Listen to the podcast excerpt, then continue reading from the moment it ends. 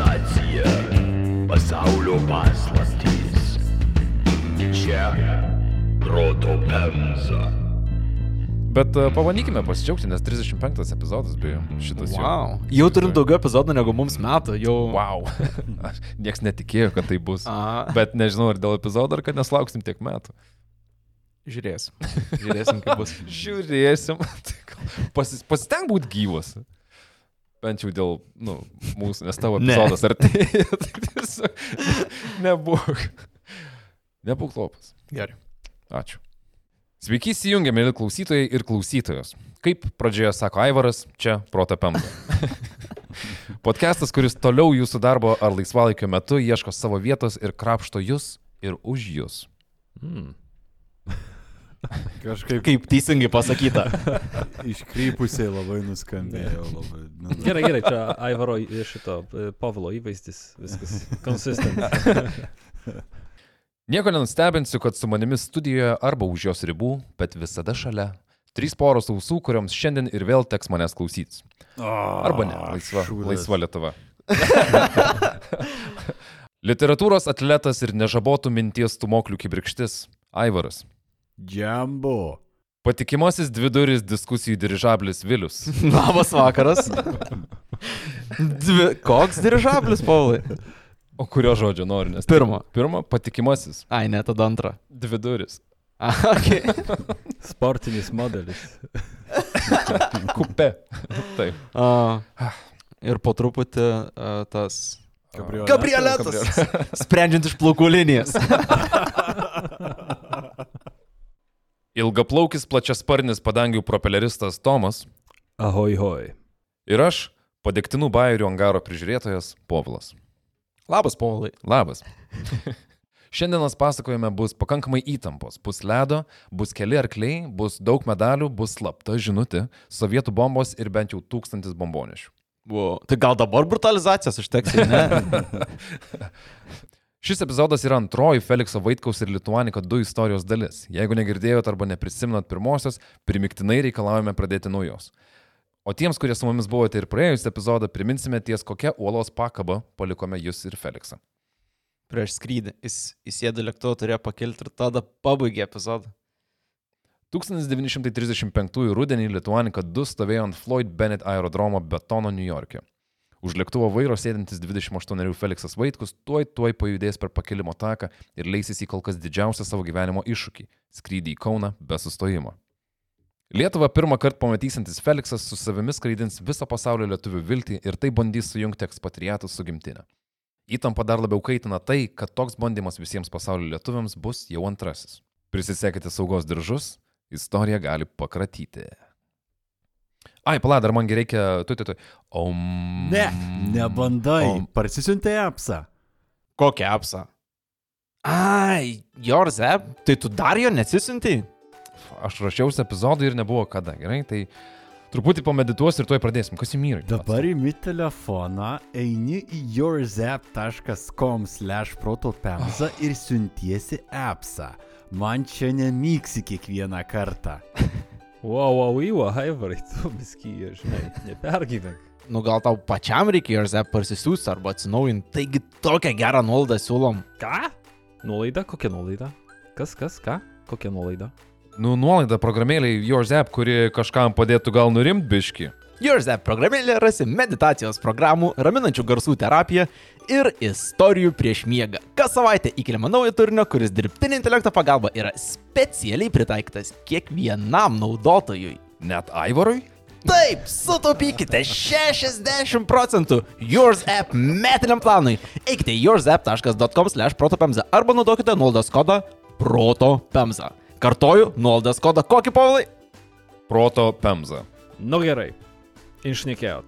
Nebus per daug ramybės. Parsisiųsiu. Po daugiau nei metų repeticijų, ankstų 1935 rugsėjo 21 rytą New York'e Lituanika 2 motoras sugaudė pagrindinį savo pasirodymą. Pamojuota žmonai, uošviai, žurnalistams ir Amerikos žemiai. Ilgai lauktas momentas tęsis per visą Atlantą ir turės sėkmingai nusileisti Kaune. Tuoj kilsim, tik noriu pastebėti, ką Vaitkus įsidėjo į kelionę.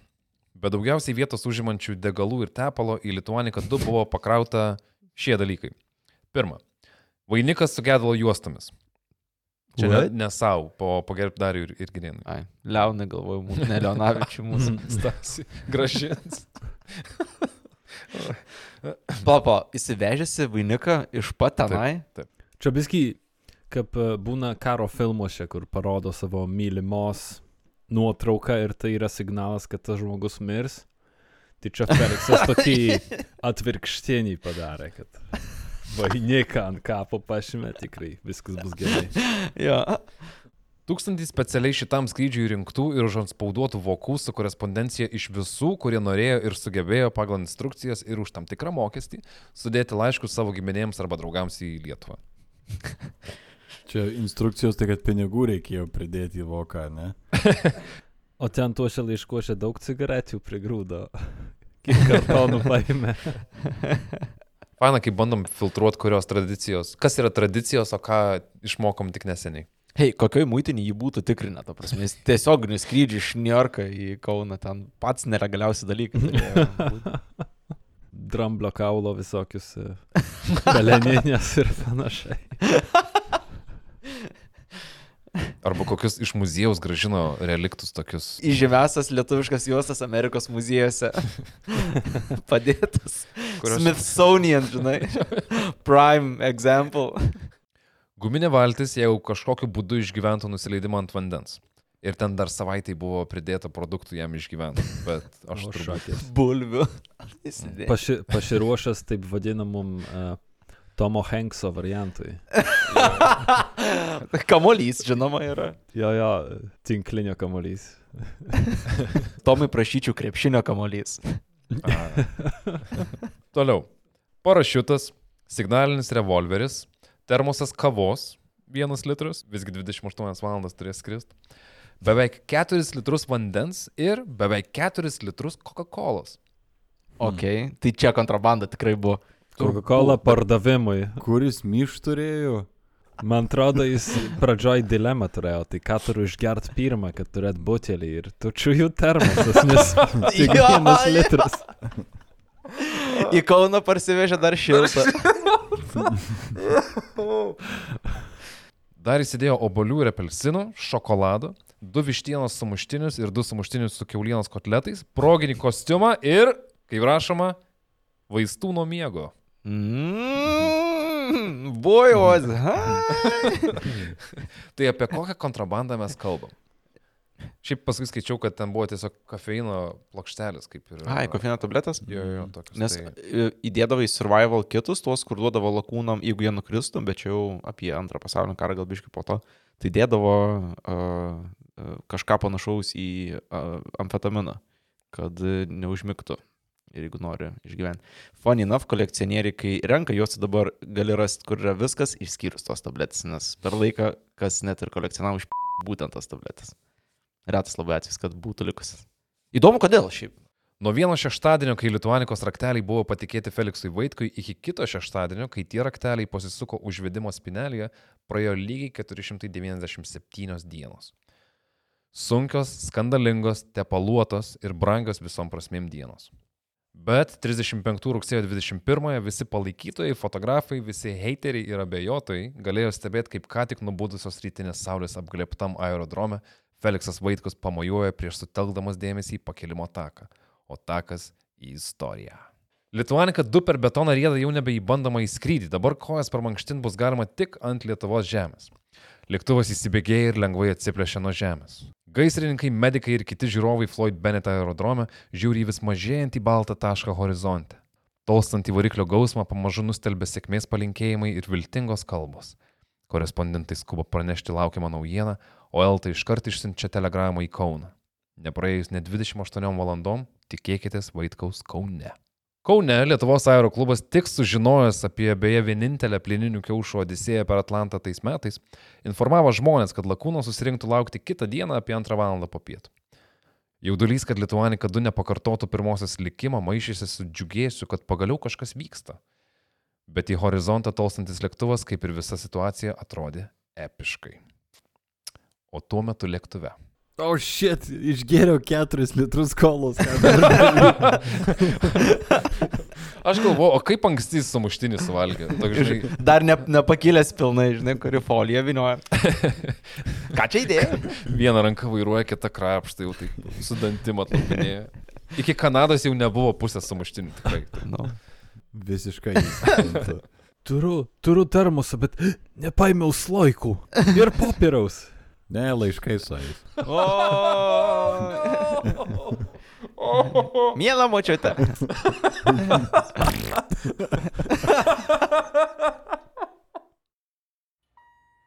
Labas. Trumpam paskrisim ant laisvo tam, kad padėkotume tau, kad klausai mūsų. Tavo laikai, pasidalinimai ir mūsų paminėjimai Facebook'e, vakaronėse ar giminės baliuose mus skatina siekti transatlantinių tolių. O jeigu epizodų nepakanka, už kilogramą pomidorų kainą per mėnesį turim papildomo turinio ir Contribui platformoje, o mus parėmęs atitinkama suma, epizodus gausi anksčiau. O po kiek laiko dar ir aprengti galbūt, kas žino. Šio epizodo idėjų kompostė sužinosi daugiau apie Lietuanikos maršrutą ir kokie gandai aplipo žygdarbį. Ieškok mūsų contribui.com. Skrendam toliau.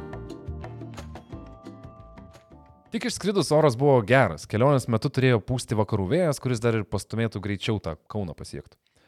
Anot Vaitkaus orai buvo dėkingi, buvo pakankamai giedra, kad jis visą kelią iki naujosios Škotijos net matė žemę. Bet kaip prisimena pats Vaitkus, Po šimto mylių nuo Amerikos jau nemačiau nei žemės, nei dangaus. Skridau pro Newfoundland, bet jo nemačiau, nes jis buvo apklotas miglomis. Iš daugelio duomenų spėjau, kad vėjas skristi buvo nepalankus. Vaitkui praskridus Newfoundlandą, daktaras James Kimball savo biure Manhattan'e stebėjo vis labiau neraminančią orų prognozę. Sąlygos virš Atlanto pablogėjo iki nepatenkinamos ribos.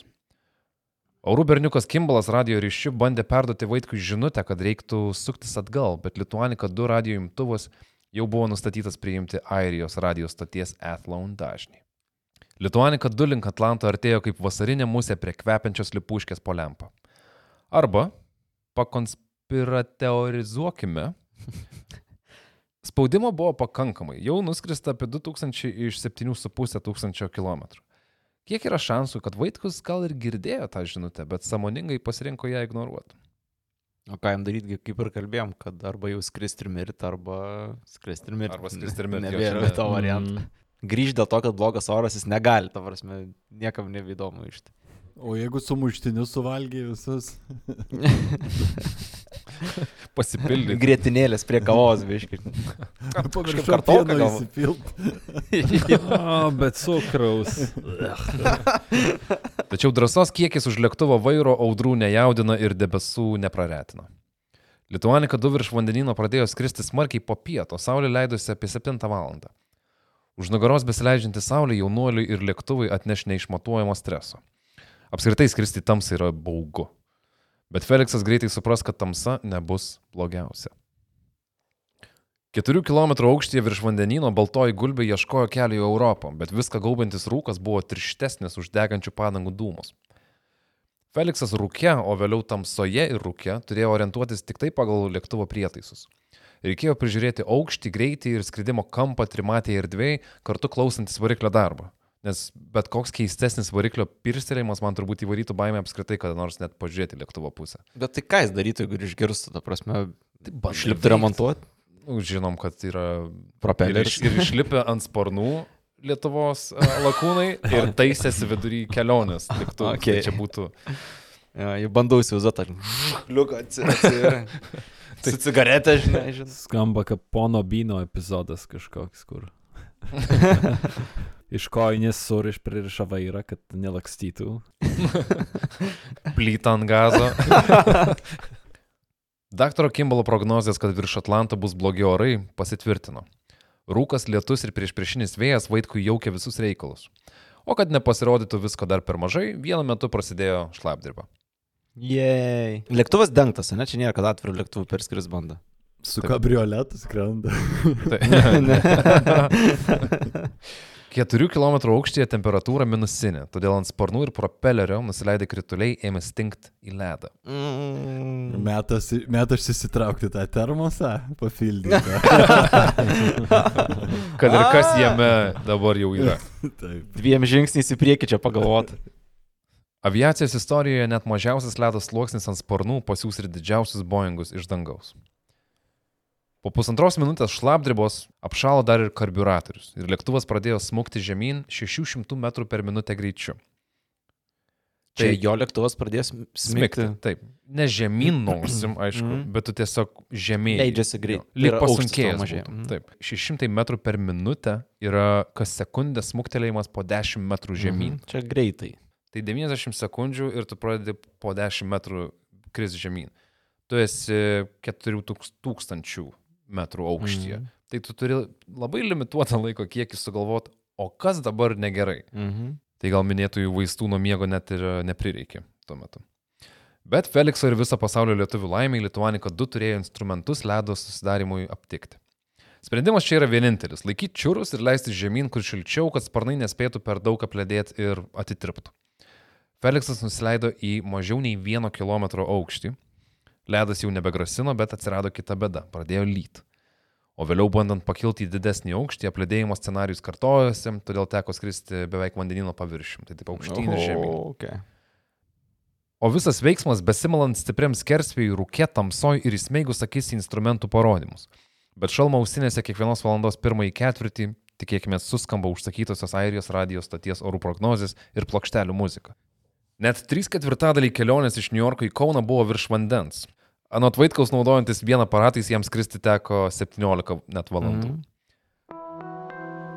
Apie 150 mylių nuo Airijos krantų migla pranyko. Per beveik 17 valandų nenuleidus akių nuo aklo skritimo instrumentų, tai buvo didelis palengvėjimas.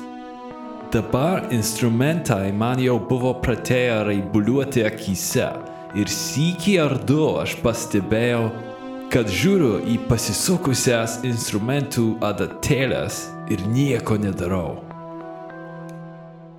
Ok, jau pavargęs toks truputėlį. Nu, ne? užsikliūčinai. Ai, gerai, Bet- tiek. Įsivaizduoji tą jausmą, kaip čia tas pas kaip turbūt e, pabust, kai važiuoji prie vairo. Aš gal rėkt pradėčiau, bet čia tiesiog žiūri tas e, maždaug, o, krentu. Pamatai, kad kažkur ciferblatą esi aptaškęs su muštinio padažu ar dar kažką.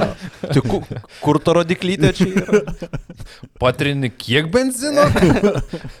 Fuck! Apačioje žaliuojanti Airija buvo pirmosios asmeninės pergalės rodiklis, bet finišo juosta dar už kelių tūkstančių kilometrų.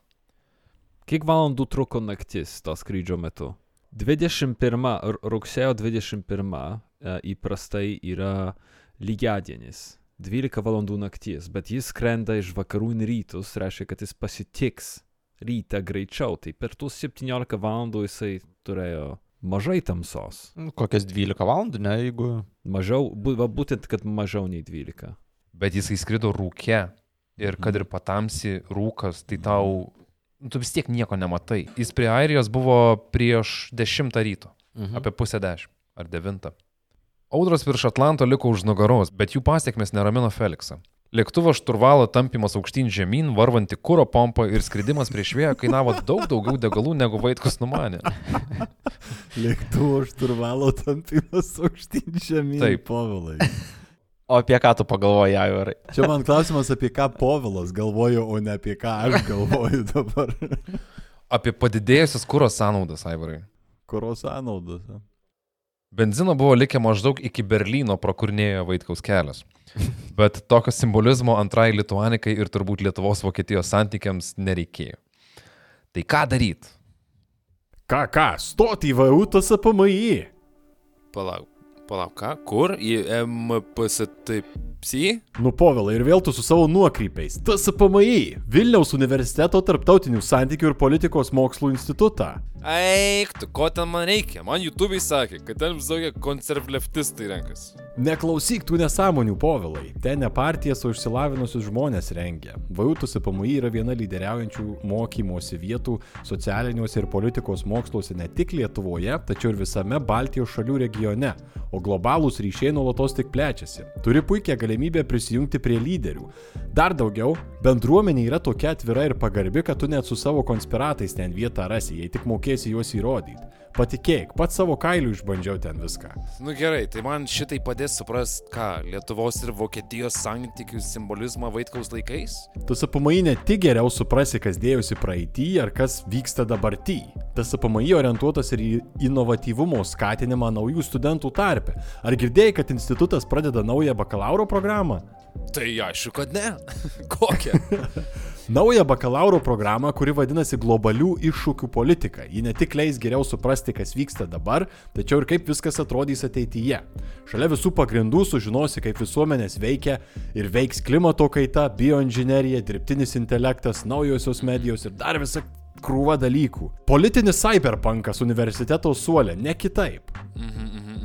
Nu gal ir visai nieko? Labai svarbu ir tai, kad studijos vyks anglų kalba. Tai ne tik susitiksi kolegų susidomėjusių panašiais dalykais iš užsienio, tačiau ir iškart atversi savo duris perspektyviausioms tyrimo sritims ir už Lietuvos ribų. Tai inovatyvumo ir progresyvumo tas apamai tikrai rasi per akis, ką jau kalbėti apie globales perspektyvas. Mhm, nu gerai, o, o gal galima kažkur daugiau pasiskaityti, nes nu nepulsigi čia nuogas.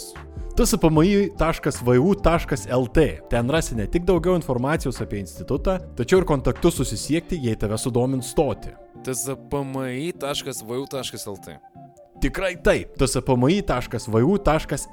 Globalumas, inovatyvumas ir puikia bendruomenė be kirvių yra vos kelios priežastys, dėl ko verta stoti į VU tsapmi. Tai vakar reikia daryti. Taip. Bandyti skristi iki žemyninės Europos buvo per daug rizikinga. Atlantas perskristas, bet pirminis sumanimas skristi be sustojimo jau nebepavyks. Besisukiodamas ore Vaitkus nusprendė. Nusileisiu čia. Ką? Airijoje? Taip. Eis, nusprendė, kad nusileis čia, kur įmanoma, pasipildys kūro ir tęs kelionę į Lietuvą. Gal niekas net nesužinos iš tikrųjų. Šiaip, jo. Ne pats idealiausias planas, bet vis geriau nei Lietuvą pirmą ir paskutinį kartą aplankyti karste. Feliksas išsirinko grumstuotą pievą, kurioje gainėsi trys arkliai, kuriuos ir žadėjau epizodo pradžioje. Yes. Tai Feliksas prasuko vieną ratą, kad prabaidytų tuos arklius. Galima sakyti, dvi dienas nemiegojęs, jau daugiau nei 20 valandų sėdėjęs prie labai garsiai dirbančio variklio, pavargęs ir susierzinęs dėl nepasiekto tikslo, Feliksas Vaitkus žiūri tiesiai į nusileidimo lauką, kuris buvo nei lygus, nei pakankamai ilgas. Trumpas ir kreivas. Bet nebuvo ką rinktis, that's what she said. Mm. Taip. Kaip Stalino torpeda, ne? Po to buvo visiška tyla. Išgirdau benzino lašėjimą ir tuojau išsirangiau iš lėktuvo, nes nuo įkaitusio išmetimo vamzdžio ar elektros vėlų susijungimo jis galėjo užsidegti. Apie 10 val. ryto Airijos vakaruose Lituanika 2 leidžiasi ant žemės, bet vėjas pakelia vieną sparną, o kitas paliečia žemę greičiau negu važiuoklė, lėktuvas apsisuka ir griūdamas ant šono sulaužo važiuoklę, dešinį sparną, dalį korpuso ir mūsų taip jau mylėtą propelerį. Tai nenuskrido į Kauną. Baltoji gulbė sustojo. O aš vis visas piktas, koks turėjo būti. Eina savo. O šis pabudo turbūt tuo metu. Jaučiu. I can feel it. Martha! Something happened to my baby. Po 5100 km ir daugiau nei 22 valandų sudėtingos kovos su stichijomis, Lituaniko 2 atrodė pavargus. Kaip pusiau įsmigus į žemę. Ar jis blogai paskaičiavo, kiek degalų jam reikės? Ar tas vėjas prieš surėjo daugiau negu jis buvo pasiruošęs suteikti? Ko- Kodėl tokia atrodo elementariausias pats pirmas dalykas, kuriuom tu e, užsiemi, kad tu planuoji tokią kelionę, tai yra, kad pasimti tiek degalų, kiek tau reikės? Skaičiavimai tai teisingai buvo atlikti, bet skaičiavimai, man- manau, buvo paremti ne tokiu dramatišku scenarijum, koks vyko virš Atlanto. Tas šturvalo tampimas ir e, nebuvo prognozuota, kad degalų pompa irgi failins. Tai į lėktuvą irgi neprisikrausi 6000 litrų, dvigubai Mhm. neprisidėsi degalų, nes nei pakilsi, nei galbūt ir nuskrisi su tokiu kroviniu. O kiek tam įtakos turi e, lakūno patirtis? Ar geresnis lakūnas būtų galėjęs, nu, mažu jis ten drožė tą lėktuvą baisiai stipriai. Spaudė ten, kur nereikėjo. Neturiu priežasčių nesutikti. Bet jis drožė lėktuvą, nes jis kilo į viršų ir leidosi į apačią. Tai nu, labai daug kuro sąnaudų yra šitam būtent manevrui padaryti, nes tu sulėtėjai vėl greitai, sulėtėjai vėl greitai. Tai, Tai apsibrieškim savokas tada tradiciškai, ką reiškia drožti lėktuvą. Tai yra pakilimas, nusileidimas ir manevravimas. Tai aišku, kainuoja tau degalų kilimas, gal labiau daugiau kainuoja, bet kad jisai turėjo likti, pavyzdžiui, skristo kilometro aukštį virš vandenino ir nebekilti aukščiau, nes jam vis užšaldavo sparnai, aš nežinau, ar čia yra nepatyrimo sprendimas, ar kaip tik jam reikia grįžti į tą pirminį, pradinį jau nustatytą aukštį, nes jame mažesnis degalų sąnaudos arba oras gal geresnis, vėjas netaip a, blaško ir taip toliau. Tai kažką turėjau aukot, kad kažką pasiektum. Tai tik tiek, kad vat, iki Airijos nusigautum ir nežūtum kažkur toliau Europai arba vandenį kažkur pakeliu į Kauną, turėjau ko tai, kad turėjai nusileisti. Mhm. Neturiu vienareikšmiško atsakymo, ar didesnė patirtis būtų išvairavus tą lėktuvą iki pat Kauno. Gal bus kažkokių versijų iš klausytojų irgi. Praeitame epizode paminėta keturlapių dobilų magija reiškia visiškai nesėkmę, o tai, kad Vaitkui turbūt buvo lemta nusileisti airiui, bet bent jau gyvas ir sveikas. O ką dabar? Pažiūrėti, kas čia atsitiko, pirmi subėgo piemenys. Visgi iš vandenino pusės retai kada atskrisdavo lėktuvas. Iš bet kurios pusės šiaip retai kada atskrisdavo lėktuvas. Anot Vaitkaus piemenys net nepatikėjo, kad jisai atskrido iš New Yorko. tikiu, šiaip, nes, uh, žinai, čia kaip kosmonauto kokią radę būtų po savo laukuose. Neapdegusi. Mhm. O tai jie atbėgo su iešmais kokiais ar su, su šakė. su šakėm, su kryžum. Feliksas Vaitkus nusileido Bellin Rope miestelio apylinkėse, tokiam Klungiaulo kaime, whatever. Okay. bet apskritis vadinasi Mayo. Kaip majonezas. Mm -hmm. Klungauliai. Klungauliai. Tai Majonezuose. Majoneziškėse. majonezo apskritis šiaip labai kažkodėl man gražiai skamba. Radio kompasas piloto nenuvylė. Nuo nusileidimo vietos iki radio stoties, iš kurios jam transliuotas buvo orų prognozės ir muzika, jis buvo tik per 95 km. Čia yra labai neblogas mm. rezultatas. Aišku, nebuvo Kaune. tai jo, a minor inconvenience, bet. Kai sudaužai mašiną ir žiūri, lemą, bet galinės padangos dar visai. Jo, kažkas va- Hey, it's something. Apmaudu buvo tai, kad Vaitkus nusileido šalia miestelio, kuris šiaip jau turėjo aerodromą. Lem, čia bad luck Brian darosi, ko toliau to labiau. Ei, bet o netrodo, kad su tarpukario lakūnais visą laiką tokių kažko pritrūkdavo, tokio vieno elemento, jeigu jis būtų buvęs žinomas arba būtų mokėję kažką ten tokio, tai būtų vis, viskas buvo išvengiama. Ant popieriaus viskas gerai atrodo visą Taip. laiką, bet... Bet, ei, būtų išvengę visko, tai nebūtų ir istorijų šitų, tai gal no. visai įdomu. Vaitkaus žemėlapiuose tas aerodromas nebuvo pažymėtas. Gal būtų pasisekę išvengti smarkių apgadinimų, ką gali žinoti. Ta rytą Feliksas buvo palydėtas pas vietinį ūkininką, kur, kaip rašo, papusryčiavo ir pasiskolintų dviračių numynė pusantro kilometro iki Bellin Road miestelio. Iš ten išsiuntė kelias telegramas, vienoje iš jų klausdamas Altaso valdybos, o ką daryti su lėktuvu? plukdyti taisyti Ameriką arba plukdyti taisyti Lietuvą ar palikti taisyti Airiją. Altasas jau ir taip finansiškai nustekentas šito viso projekto atsakė, kad o davai pažiūrim, ką Lietuvos aero klubas pasiūlys. Ir Lietuvos aero klubas labai gražiai pasiūlė lėktuvą gal gabenam į Lietuvą, o pats Vaitkus turėtų atvykti kaip garbės svečias. bandau įsivaizduoti uh, Altaso reakciją, kai pasima tą telegramą ir mato, nu- nukritau Airijai. O gal dar... Ta prasme, du sakai- metai darbo. Nu, kai sakai nukritai, Kodėl tu ką gyvas? turiu omeny? Kauno aerodrome tą rytą žmonės susirinko anksti ir per kelias valandas užsipildė iki nematyto masto. Atėjo 30 tūkstančių žmonių. Čia Daug tas, čia, tu prasme, labai daug. Daros ir Girenas dar buvo švieža. taip, labai šviežia. Ir Darius ir Grienas ir sukūrė šitą įvykį. 14 val. 16 minučių po piet atkeliavus žiniai, kad dėje, bet Vaitkaus šiandien nepamatysit, žmonės net nelabai skirstėsi. Faktas, kad lietuvis perskrido Atlantą, tikriausiai nedžiugino tiek, kiek pamatyti jį savo akimis. Mhm. Bet sveikinimo telegramas pas Vaitkų skrido iš viso pasaulio. Vietiniai airių žurnalistai savo pirmiesiems puslapiams gavo istoriją tiesiog iš oro. puikiai, puikiai. Ačiū. Bet buvo ir klikbeitinių antraščių. Pavyzdžiui, Elta pranešė naujieną dviem žodžiais. Lituanika nukrito. Kokį, ta prasme, irgi niekas nesikeičia per šimtą vos ne metų. Niekas neprašė, kad NSO nukrito koks nors, ne, nes, nesumaišė. Gal sugedęs telefonas, man atrodo, laikuose, kuriuose nebuvo labai daug lėktuvų. Kažkuriam airijos podcast'e dabar pasakoju pirmą airišką NSO ir tai yra Felikso Vaitkaus nukritimas iš tikrųjų. Yra pasibaidę arkliai, yra piemenukai matę kažkokius metalinius objektus, Taip, keistai kalbėjo. kažkas davė dviratį. O, o, vėliau, tada kokį iš 200 metų vėluoji su NSO Airijoje. Ha, Matyt, kas jo, wow, kas- Actually. Kas Žako Don't Valėjas. open that door.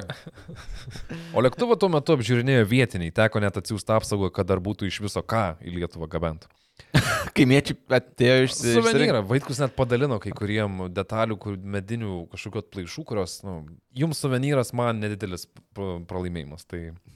Bet šiaip airiai labai draugiškai padėjo Vaitkui, atsintė mechanikų, sunkvežimius, iš Dublino netgi atvyko Airijos oro pajėgų kapitonas pasveikinti Feliksą ir pasiūlyti pagalbą. Lituanika 2 buvo išmontuota ir kartu su Vaitkumi pervežta į Dubliną. Ten supakuota dar kartą ir išplukdyta į Klaipėdą. Iš Dublino Feliksas nuvyko į Londoną. 28, pirmas kartas Europoje, pirmas kartas būti šalies didvyriu. Londone vietiniai lietuviai ir ambasadorius sutiko jį taip gerai, kad jis ten pabuvo savaitę. Okay. Paulai, o kodėl uh, jį sutinka kaip didvyrį? Nes perskristi per Atlantą tiesiog šitas pasiekimas vis dar yra Taip. didelis pasiekimas, ne tik atskristi iki Kauno. Taip, nes aš bandau suprasti, ar čia yra feilas jau e, iš karto, ar čia vis dar wow. Ne, tai vis tiek pasiekimas. Lūkesčiai, aišku, didesni buvo, mm. bet vien perskristi per Atlantą jis buvo šeštas Okay. pasaulyje, kuris vienas solo perskrido mm. per Mhm. Atlantą. Beje, kaip mūsų praeitam idėjų kompostė uh, galėjote girdėti, tai Lietuanikoje Janušauskas uh, prašė įtaisyti autopilotą. Mhm. Bet tai nebuvo padaryta, nes kainavo labai daug. Ir plus tai būtų padarę grėsmę a, rekordą užfiksavimui, nes autopilotas jau padaro iš karto tave mažiau atsakingų už skrydžio valdymą. Mhm. Tai tu nebe taip jau čia tavo nuopelnas, kad tu atskridai. Mhm. Okay. Tai Feliksas su tokiu setupu, kokį turėjo, ir vienas per Atlantą atskrido šeštas pasaulyje. Tai jau, aišku, pasiekimas didžiulis ir iki dabar toks ir turėtų būti, taip ir turėtų būti traktuojamas. Bet tuo metu, kai lūkesčiai buvo už dar 2000 km, mhm. 30 tūkstančių žmonių mažiausiai laukiančių ir dar nežinia kiek anoje Atlanto pusėje. Tai aišku, matai tai kaip tokį nusivylimą. Gal turi praeiti kažkiek laiko, kad tas kartėlis kažkaip nu, nusibrauktų ir to pagalvotum, bet pleva, taigi net Atlantą perskrido. Bet pirminiai jausmai neįgiami. O faktas, kad tą lėktuvą plukdė, o ne sutaisė ir nuskraidino. Dėl ko? Čia jau buvo net taip suglamžytas stipriai, ar viena detalė per daug išdalino airiam ir jau ne, ne, nejo jo susukti atgal. Buvo daryti skaičiavimai, kiek kainuotų tai daryti Airijoje, man atrodo, 400 svarų. Ten jie būtų sumokėję, gaila, nepažiūrėjau, kiek tai būtų mūsų laikų pinigais, bet buvo nutarta, kad tiesiog bus pigiau. Ir juolab, kad Lietuva norėjo, kad Lietuanikas sugrįžtų, Mhm. tai jie pasirinko tokį sprendimo būdą. Kodėl? Nesu Mhm. tikras. Gal tikrai būtų buvę per brangu Airijoje taisyti ir dar išlaikyti pilotą, o Altasas pinigų nelabai turi. Lietuvos aero klubas ir taip prieaukojęs irgi didelę dalį, didžiausią dalį iš Lietuvos, o Stasys Leonavičius daugiau negu vieną kartą numirti negali. Tai, Mhm. Jo. tai turbūt finansinis buvo aspektas. Mhm. Rugsėjo 30-ąją lėktuvu į Berlyną, kur taip pat buvo sutiktas vietinių lietuvių ir po vakaronės tą patį vakarą traukiniu iškeliavo į savo pirmąjį ir svarbiausią tikslą - Lietuvą. 1935 spalio 2 traukinys iš Berlyno pasiekė pagėgius. Sveikinimai, sustojimas šilutį, gėlis, išlipimas klaipėdui. Vaitkus įgrūdamas į Anbo lėktuvą ir Kauna pasieks taip, kaip ir turėjo - lėktuvu iš vakarų. Kauno aerodromas greitai prisipildė kartėlio dar nepamiršusiais entuziastais. Jeigu jau lėktuvo nepamatysim, tai bent jau lakūnas bus. Jam jau nedavė valdyto lėktuvo, ne? Ne, jis priekį sėdėjo, bet neradau, ar jisai pilotavo jį ar ne. Čia nelies, čia mūs, mūsiškas Jo. lėktuvas. Ir pasiėmė Anbo lėktuvą savo tą Lietuvos pasididžiavimą lėktuvų, kad uh, dar irgi pa, pa, parodyt šiek tiek. Einam, eikš parodysim, kokiais lėktuvais čia skraidomės vietoj. Tokio įvykio metu aš tikėčiausi visų daiktų reiškinių aplink save, jeigu aš būčiau tas garbės svečias, tai visų daiktų reiškinių aukščiausio kalibro ir parodinės a, būsenos, kad ir ką man rodytų. Anbo lėktuvą, Sabonį. Viską turim. Šakotis, bobelinė. Pirties šaukštai gražus. Minė buvo gan smarkiai įsiaudrinusi, kai tolumoje atsirado net septynių lėktuvų flotilė. Minė pašėlsta. Pirm... Tai jie ten tas septynias dienas susirinko. Jo, festas tokias. Rumšiškių festivalis. Tas Burning Man festivalis. Kauno gatvėse blaivo žmogaus nebūtų jau savaitę laiko. Pirmojo lėktuvu skrenda Felixas Vaitkus. Jie apsuka ratą virš aerodromo, minėjau plyšta per siūles, lėktuvas nusileidžia ant tako, o minė tiesiog veržėsi prie vis dar veikiančio orlaivio. Du skirtingi šaltiniai rašė, kad buvo daug šansų, kad besisukantis propeleris nuspalvins šventę raudonai, bet to pavyko išvengti. Gėlių buvo tiek, kad reikėjo atskiros sunkvežimio joms surinkti. Vaitkų pasveikino Aero klubo ir Lietuvos karo aviacijos atstovai. Jasiūnas savo knygoje rašo, kad žmonės tiek bliovė, kad nebuvo įmanoma nei susišnekėti, nei girdėti, kas sakoma. Okay. O vėliau minė paėmė Vaitkų ir kaip pridara avia rockstarui, jį ant rankų nunešė į tribūną ar tai sceną tokią. Okay. Įsivaizduoju, kad didelis kelias, kur taip ilgai e, keliauja per... Bet kaip sudužusiam pilotui jam čia ne per daug garbės bišky, ta prasme. O, ko, o kodėl jūs taip numažinat jo pasiekimą šitą? Nes atrodo, kaip LT United Eurovizijai šeštą vietą užėmė. ne, kur Daug lūkesčių labai buvo sudėta, tors ir šeštą vietą vis dar geriausiai yra, ką Lietuva gavo, bet pirmos tikėjos, tikėjos, kad atskris, žinai, iki, iki galo. Bet šešta vieta skrist vienam ir jo skrydis beje buvo, kaip vėliau uh, Lietuvos karo aviacijos atstovai išnekėjo, nei vienam iš tų šešių Mhm. nebuvo tokių blogų sąlygų. Ja, aš tikiu, kad e, tada tikriausiai, žinant aplinkybės, kitaip atrodo tas dalykas. Tribūno jau laukia susirinkę vyriausybės ir kariuomenės atstovai. Vaitko atnešė ant rankų į tribūną, tribūna nuo svorio sulūžo. Nuo Vaitkus svorio. nesusižeidė. Nuo visos minios, Nu. kuri... Ne, makai, tave atneša ir traška viskas jau girdė. Nuo Vaitkaus kiaušų. Nuo Vaitkaus kiaušų. Taip. Feliksas pirmą kartą savo tėvų žemėje šiek tiek laužytą lietuvių kalbą kreipėsi į žiūrovus, kuriems padėkojo už paramą.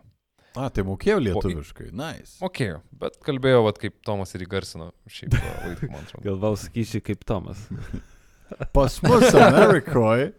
Po iškilmių pilotas buvo nuvežtas pagerbti Dariaus ir Girėno, o po to apgyvendintas Lietuvos viešbutyje, prie kurio susirinkusi minė Vaitkui sudinavo ilgiausių metų. Ai, okay, čia. Su gimimu. Polisis buvo būtinas prieš begalę vizitų, vakarienių, sveikinimo vakarų ir kelionės po Lietuvą su iš Amerikos atplaukusia žmona. Garbės apdovanojimai, medaliai, vizitas pas prezidentą Smetoną. Visur Vaitkus buvo pasitinkamas ir išlydimas audringais plojimais, o kaip savo knygoje rašė Jasiūnas, tokio entuzijazmo palyginti santūriojo lietuviškai publikoje niekada nėra buvę.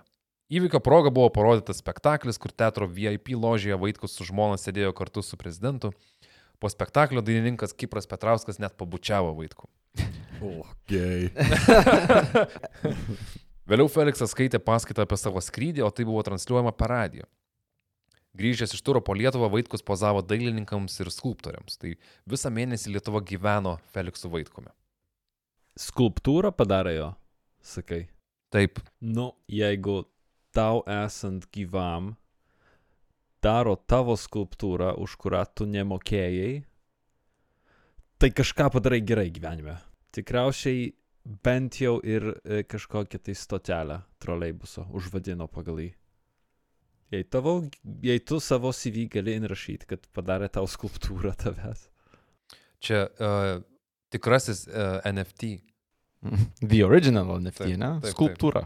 Nefungibilus e, tokenas. Tokenas.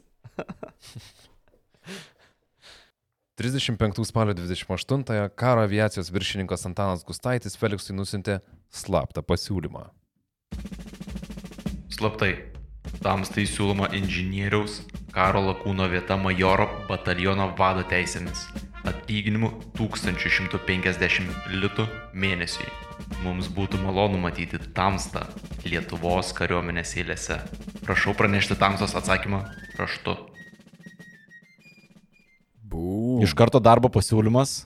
Ofi oficialius job offeris, realiai. Na, jau. Taip, nu headhuntina, ta prasme, labai gerai išsirekomendavo per skridas. Ir sudužęs.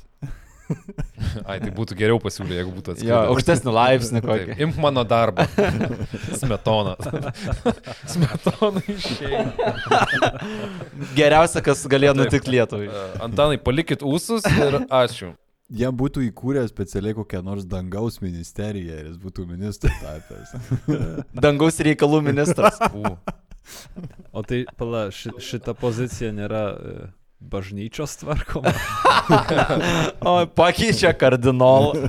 Ko, konkordatas šitą reguliuoja. Kiek jūsų buvo taip aukštai dangui? Kiek Feliksas? Dausų ambasadorius. Mano kreivais paskaičiavimais tai čia būtų 4000 eurų alga. Turbūt šiais laikais. Tai šviežiasis herojus Lietuvoje buvo sutiktas tikrai audringai, kas ne 30 dar nesulaukusiam vaikui galėjo lengvai susukti galvą, bet pasiūlymo jis atsisakė. Atsisakė O. iš Gustaičio? Taip. Ot koks.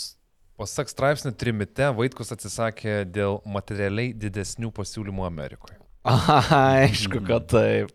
Tie geriausi dalykai rodomi Lietuvoje turbūt Taip, taip. Ne, nesutapo su kasdienybė Amerikoje. Galbūt. Valančiūnas irgi ne LKL žaidžia, žinai, ten, kur daugiau pinigų siūlo ten ir keliauja.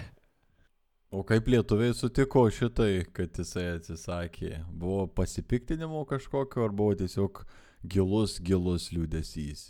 Nemanau, kad Gustaitis turėjo tikėtis, kad Vaitkus priims tokį sprendimą, nes būtų reikėję ištraukti Vaitkų tada iš Amerikos kariuomenės, kurioje vis buvo atsargoj A, ir daug visai reikalų būtų. Plus, čia jo pirmas kartas Lietuvoje, tai aš nemanau, kad tos vakaronės tęstųsi iki jo pensijos ir jį tenai nešiotų ant rankų. Dar žmona atvažiavo. Yeah. Dėl to tas siūlymas slaptas buvo, turbūt. Jo. A, taip. Labas, trumpam paskrisim ant laisvo tam, kad padėkotume tau, kad klausai mūsų. Tavo laikai, pasidalinimai ir mūsų paminėjimai Facebook'e, vakaronėse ar giminės baliuose mus skatina siekti transatlantinių tolių. O jeigu epizodų nepakanka, už kilogramą pomidorų kainą per mėnesį turim papildomo turinio ir Contribui platformoje, o mus parėmęs atitinkama suma, epizodus gausi anksčiau. O po kiek laiko dar ir aprengti galbūt, kas žino. Šio epizodo idėjų kompostė sužinosi daugiau apie Lietuanikos maršrutą ir kokie gandai aplipo žygdarbį. Ieškok mūsų contribui.com. Skrendam toliau. Istorija nutyli, kiek jūrinių konteinerių reikėjo sutalpinti visiems medaliams, vainikams, austoms juostoms ir pagirioms po tokio įspūdingo ir beprecedenčio sutikimo Lietuvoje. Bet lapkričio 7 Felixas Vaitkus per radiją pasakė atsisveikinimo kalbą ir gausios palydos Kauno geležinkelio stotyje buvo išlydėtas į Ameriką. Į Lietuvą Felixas Vaitkus nebesugrįž. O. Hmm. Bet pilotui išvykus vienas šio istorinio įvykio atributas Lietuvoje visgi liko. Žmona paliko. Į Kauną pristatyta Lietuanika 2 su visais lūžiais buvo įvertinta ir buvo nuspręsta, kad dėl didelės moralinės vertės lėktuvas turėtų likti Lietuvoje. Lietuvos biudžetui ši relikvija kainavo 90 tūkstančių tuometinių litų. Šiais laikais tai būtų 300 tūkstančių eurų. Ir tai buvo iš biudžeto paimta. Vaitkus, kuriam pagal sutartį lėktuvas ir liko, visai praturtėjo. Tai pala, jis gavo už tai 90 tūkstančių litų. Taip, Už tą- 300 tūkstančių eurų. dabar. 600 tūkstančių saukojo šitam dalykui įvykti ir pusė kaip ir liko Vaitkui. Na, aš vėlgi galiu tik pasidžiaugti už Vaitkų. Aha. Ir su Ošviu gerai sutarė ir grįž atgal su tikrai nemaža pinigų uh, suma. Pakeliavo. Ką žinau. biškį. Labai. cool. Jo. Bet Vaitkus, jeigu vėjas iš vakarų pūstų, turbūt galėjo atsistot kokiam nors aerodromo take ir įsiklausęs gerai girdėti, kaip Janušauskas nagus kramto. O Lietuvai, aišku, dar kainavo lėktuvo remontas, bet viską vietiniai meistriukai padarė. Kitaip pasakė, atrodo, kad garažiukus būtų nuvežę tiesiog. Tai įstatė atgal sėdynės, vėl sudėjo langus, lėktuvas tapo tinkamu naudoti ne tik skrydžiams per Atlantą. Vytauto didžiojo universitete kosminių spindulių tyrinėjimus su Lietuanika 2 darė toks profesorius Baršauskas. Tai tų tyrimų duomenys, nes Lietuanika 2 tiesiog pritaisė uh, kažkokios aparatūros ir Mhm. darė uh, tyrimus. Tų tyrimų duomenys net buvo siunčiami į Vokietiją profesoriui Geigeriui, kurį žinome iš radiacijos matuoklio Geigerio skaitiklio Mhm. ir atomo brandalio atradimo. Tai Lietuanika 2 šitoje pusėje Atlanto prisidėjo ir prie kitų garsių pavardžių darbų. Po laikymo Kaune lėktuvas buvo perkeltas į Zoknių aerodromą prieš Šiaulių. Prasidėjus antrajam pasauliniam karui, Baltosios gulbės likimas vedė ne į dangų, o į Šilėnų poligoną. 40-ųjų spalį sovietų kariai, būdami bet kokio kitų valstybių istorijos vitražo užbetonuotojai ir šiaip urodai, polig... Hmm. Tai sudeginau, susprogdinau arba kažkaip kitaip sunaikino, taip? Išvagė, ta prasme, jo, kažką. Kažką tokio padarė. Tokio tauraus. Plūgus padarė. Plūgus traktoram. Jie poligone treniravosi mėtyti bombas ant taikinių. Tai vienas iš tų taikinių ir buvo What Lietuva. the hell, ta prasme. Ah, Dalbajovas. Nu, Dalbajovas. gyvuliai, nu. Ką aš žinau, vaikai tai kaip ir... Jo, jo. So, bank. David- ir jo, ir visai netoj kariaujančiai šaly.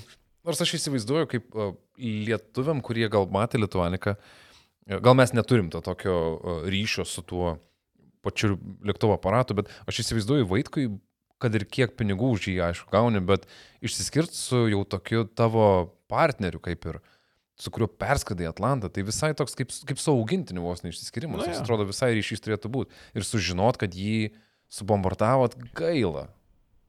Nu jau. Ta scena, kur Tomas Hanksas uh, pameta poną Wilsoną. Šitas momentas. Tai. Taip. 35 lapkričio 20 dieną Feliksas ir Marta laivu sugrįžo į Ameriką. Jūs nepatikėsit, bet sugrįžus vaikai ir vėl dalyvavo pokiliuose, prieimimuose ir iškilmingose vakarienėse. Nes reikėjogi visus parsivežtus medalius parodyti. Okay. O kas ten jūs pasiko? Ir, Altasas, ne? Taip. Tavo vėliau beje paminėtas dabar Altasas gruodžio pirmąją uh, surengė paskutinę vakaronę ir gruodį aprimo jau tostų kilnojimo metas.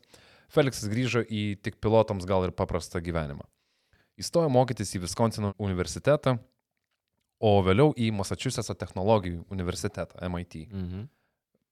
O ką mokėsi jis tenai? Viskonsine aerodinaminės inžinerijos magistru tapo. Kad ir ką tai reikštų. Nerd. o Massachusetts'e mechaninė inžinierija. Po ketverių metų 39-ais vaikams gimė sūnus Pilypas Antonas Vaitkus. Tai antras vardas suteiktas turbūt pagerbt uošviui, be kurio tas anukas ir nebūtų atsiradęs. Keistai nuskambėjo. nu, nes vai... Ar jis dalyvavo? Laikė žvakę tuo metu? Davė leidimą. Suprastai paruoštų lėktuvų Vaitkus turbūt būtų žuvęs. Bet čia tik tai tokia yra. Ta lygi pompa buvo ošvio, iš tikrųjų. Atėjus antrajam pasauliniam karui, Vaitkus buvo pašauktas iš atsargos ir beveik šešerius metus dirbo karinių oro pajėgų inžinerinių ryšių tarnybos vadu Sietle, Vašingtono valstijoje. Vadu netgi. Mhm. Niekur Feliksas iš lėktuvų neskubėjo išlipti ir toliau savo karjerai. Vienas iš man įspūdingiausių faktų yra tai, kad Vaitkus dirbo bombonešių bandytojų. Lietuvis dirbo garsių bombonešių modelių B17 ir B29, dar Holy kitaip shit. žinomų kaip Flying Taip, taip. Fortress tas. O. Būtent Nice. šaunuolis Aivarai, sės 10. Keturženklis skaičius bandytų lėktuvų darbas su Boeing kompanija ir pulkininko leitenanto laipsnis Felikso gyvenimą tapė griežtom ir iškiom laimėjimų spalvom. Karui pasibaigus nuo 46-ųjų greitai 40-metį turėjo švesti Vaitkus, truputį pristabdė variklius ir Boeing kompanijoje įsidarbino ryšių su klientais atstovų ir inžinierių. Kaip labai įdomu kombinacija. Okay. Bet atrodo, kad visa patirtis, kurią įgavo vakaronėse prieš ir po skrydžio, mm Mhm. -hmm. ir bet kokia patirtis, kurią įgavo skrydžio metu, tai taip pat susiklešino į vieną. Gal turite tokį etatą? Turim. Ja, žinai, jeigu pardavinėja inžinierinius sprendimus, tai puikiai su tokiais A. klientais bendrauja. This bad boy. Tai čia tas verslo vadybininko filosofo e, laipsnis. Žmogus iškardžina, nuo pat pirmų žingsnių buvo ruoštas. Okay. Niekas nebuvo veltui daroma jo. gyvenime. Gyvenimas Sietlė turėjo būti ramus. Bet 1951-aisiais prasidėjo Korejos karas ir Vaitkus buvo vėl pakviestas į kariuomenę. Šį kartą į savo Alma Mater valstiją Kaliforniją Feliksas persikėlė su visa šeima. Ten po ketverių metų gavo paskirimą į vakarų Vokietiją tapti JAV oro pajėgų Europoje aprūpinimo viršininku. Pareigos buvo labai rimtos, nes Vaitkus buvo įvardintas kaip antrasis pagal rangą JAV karinių pajėgų karininkas ten, Visoje Europoje. bent jau toj bazėje. Ai, okay. Vakarų Vokietijos Lindsay karinių oro pajėgų bazėje 1956 Liepos 25 d. Feliksą Vaitkų netikėtai ištinka širdies smūgis. Šeštasis istorijoje Atlantą vienas perskridęs Lietuvos vaikas baigė savo dienas žemėje.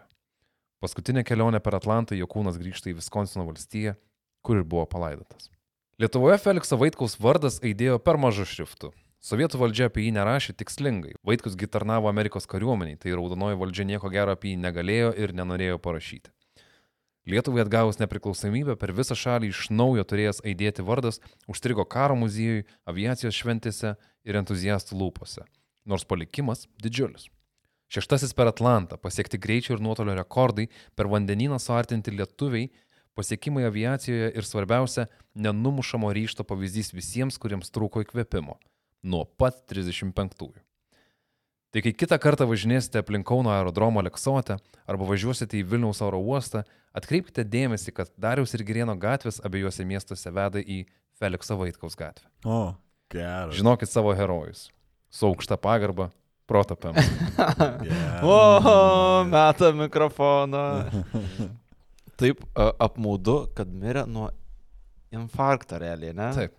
Taip iš niekur, ar ne? Atrodytų, viskas vystėsi, vystėsi ir staiga tiesiog pasibaigė kelias. Norėjusi kokiam suktukė arba kokio nors ten... Nu, ta prasme. tokio- Jo. Ei, bet eil, eilinis lietuvis, ei, tai atsiprašau, neeilinis lietuvis eilinį kartą apgauna mirtį daug kartų, bet e, ne infarkto pavydalu. Mm, jo, jo. The silent killer. Ne, ačiū povilai. Cool istorija. Aš visiškai, kaip ir minėjau praeitą, kad nežinau nieko apie Feliksą Vaitkų, tai dabar uh, faina buvo sužinot. Aišku, galbūt norėjosi, kad jis šiek tiek ilgiau Lietuvoje pabūtų, nu, bet žinant, kad, kad turėjo reikalų a, savo kaip ir gimtiniai, turbūt tuo metu, ar ne, toje, kurioje gimė ir augo, tai gali nenustabu, kad grįžo po to, bet kokiu atveju jo. Gaila, kad nėra jau daugiau pas mus viešoje erdvėje vėl. Čia turbūt galima vėl, nežinau, šnekėjom šimtą kartų, bet daryti, nežinau, miniseries apie Lietuvos aviacijos visus uh, didvyrius ir, ir, ir didžiūnus, kurie pridarė visokiausių dalykų, kurių mes gal šiandien net neprisimenam ir nevertinam, nors turbūt reikėtų uh, įvertinti. Cool, ačiū. Dėkui, faini istorija tikrai. Apie kurią irgi nieko nežinojau. Vaitkus man iš to, ką pasakojai, skamba kaip e, alpinistas tam tikrą prasme, kur žmogų varo, motivuoja padaryti kažką pirmam, in tokį ekstremalių įvykių, um, in tokią zoną nori įeit, kur nežinai, kas įvyks.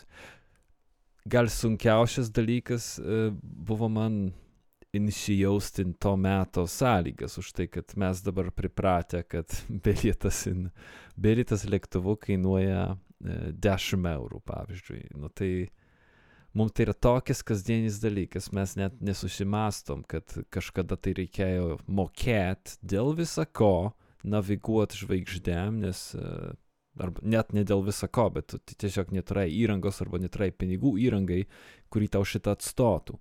Ką reiškia būti šeštam, kad perskrist Atlantą, šitą irgi sunku labai įsivaizduoti, už tai, kad tai yra tokis kasdienis dalykas dabar, bet tada tai, nu kaip sakei, jis buvo iki, iki jo Vaitkaus sąlygos oro buvo pačios sunkiausios. Ir čia vėl prie to alpinizmo grįžtu, kad tu planuok kiek nori, ruoškis kiek nori, turėk, kad ir geriausią patirtį pasaulin, jei nepaeis su oru, tai tu bejėgis. Jo, čia uh, yra tas um, ge geras pontas dėl uh, oro ir kiek tai uh, yra svarbu, nes tikriausiai žinant, kaip sunku skristi tokiuose sąlygose, tas faktas, kad jis krešlendino airiai, netrodytų nuvilintis, pavyzdžiui, ne? nes yra to tipo, kad nu, net nedaskrida iki, iki Kauno, vis tiek, nu, kad ir šeštas, bet nu, nedaskrida. Bet vėlgi taip tikriausiai atrodo tada, kai nelabai gali vertinti, ką reiškia vienam skristi 11 valandų rūkė, tamso, kylant leidžiant, kylant leidžiant, nes atrodo, ką čia sėdai prieš turvalą ir, ai, čia Jo. kiekvieną dieną, perskrenda tą Atlantą, oi, pamanyk, Aš su... maniau, tu pilotas. Jo, jo, jo, jo, būtent. Žmonės skraido kiekvieną dieną ir kaip. Taip. Ir Bet kartu ir labai yra tas toks, e, na, liūdėsio, nes realiai apie Lituaniką tai visi nuo mažų dienų žinom. Tipo, Lituanika, du, kad egzistuoja, sužinau, tai kai man 30 buvo. Na, prasme, tai yra skirtumas e, šitam populiarume istorijos, nebūtinai, kad ten viena ar kita būtų kažkuo geresnės viena, viena už kitą. Neturėjom 11 litų banknotų. Nu, būtent. Būtų vaikus buvęs tikrai. Ant 11. Apskritai sunku pramušti populiarumą bet ko, kas atsiduria ant banknoto. Ypač tokio mažo nominalo. Tiesa. Mažai žinomas faktas, aš su valančiam vis dar dabar kovoju. Ja, Ir jo. jo, ir jo idėjomis. Čia kaip Ei, Visi bet, žinome bet... žemaitę, bet nieko, jos kūrinių netiek daug tikriausiai. Jablonskio irgi nėra, kad labai čia visi žinotumėm, sorry. jo, jo. Šiaip Amerikos lietuviai dar ir trečią norėjo skrydį rengti. Nu, užtvirtinimo jau tam prasme, kad, kad šį kartą jau nu, tikrai. Bet sutrukdė karas e, visam šitam įvykiui. Bet įdomu, ar būtų dar labiau uh, nustelbę gal Lietuanika 2, jeigu ir būtų nuskridę į Kauną, taip ne, jau ir taip nepelnytai šešėlį. Juozas Janušauskas paskutinį savo norėjo. Benefisą padaryti ir nesigavo. Ir vėl nesigavo. Ir vėl ne. Persigalvoja vidury kelionę. Vidury kelionė. Fuck this. Ai, man ir Grenlandija. tai va, tai abi dvi dalys apie Feliksą Vaitkų, aišku, informacijos apie jį detalesnės dar daugiau yra, jeigu domėsite šaltiniais, bet vien jau, kad žinosit istoriją, kad toks didvyris buvo ir galėsit netgi šalia pirmos Lietuanikos kažkaip pozicionuoti, man norėtųsi, kad tos dvi istorijos eitų viena po kitos, o ne antra būtų nustelbta pirmos. Jo, tai jo. Darius ir Girėnas ir po to Feliksas Vaitkus ir jo uošvis. tikrasis navigatorius po gyvenimą. Neapdainuotas herojus. Ei, tai ačiū, kad paklausėt. Ačiū tau. Ačiū tau, Paulai, kad... Ačiū. Tai gerai, dabar galim nusiraminti, kad jau baigėsi istorija. Kalbant apie nusiraminimo, kiek mes ten turim uh, nuolaidą? 60 procentų yours app? 60 procentų. Šiaip tai nežinau, žinok, užsidariau langą, tai... 60, aš žinau. Ai, tiesiog mėgstu. 60 procentų. Jo, nice. Tai eikit į yoursapp.com slash proto pemza arba naudokit proto pemza kodą. Taip. Nusiraminkit. Taip, Ir, ir nusiraminkit, nusiraminę stokit į TSPMI naują programą. Ramiai jau šitą istoriją baigėsi, už porą savaičių bus nauja, už savaitės bus idėjų kompostas, jeigu dar neklausyt ne vieno idėjų komposto, tai greičiausiai neremet mūsų kontribui, jeigu galite ir norit, rasit ten papildomo turinio ir daugiau istorijų ir apie Vaitkaus skrydį, ir apie kiekvieną epizodą kažkokių mandrybių. Tai susitiksim kontribui, arba susitiksim Facebook'e, arba Instagram'e, arba e-mail'e, arba pas Tomą ant sienos, kažneka Lenkija. Ką aš neka Lenkija, paprasta A, šilenkiška. Ateikit pasijuokti. O iš mūsų šį kartą turbūt tiek. Mhm. Gerai, tai ačiū, kad skridot kartu. Jau, Nusiraminkit. nusiraminkit. Ir iki. Iki. Iki.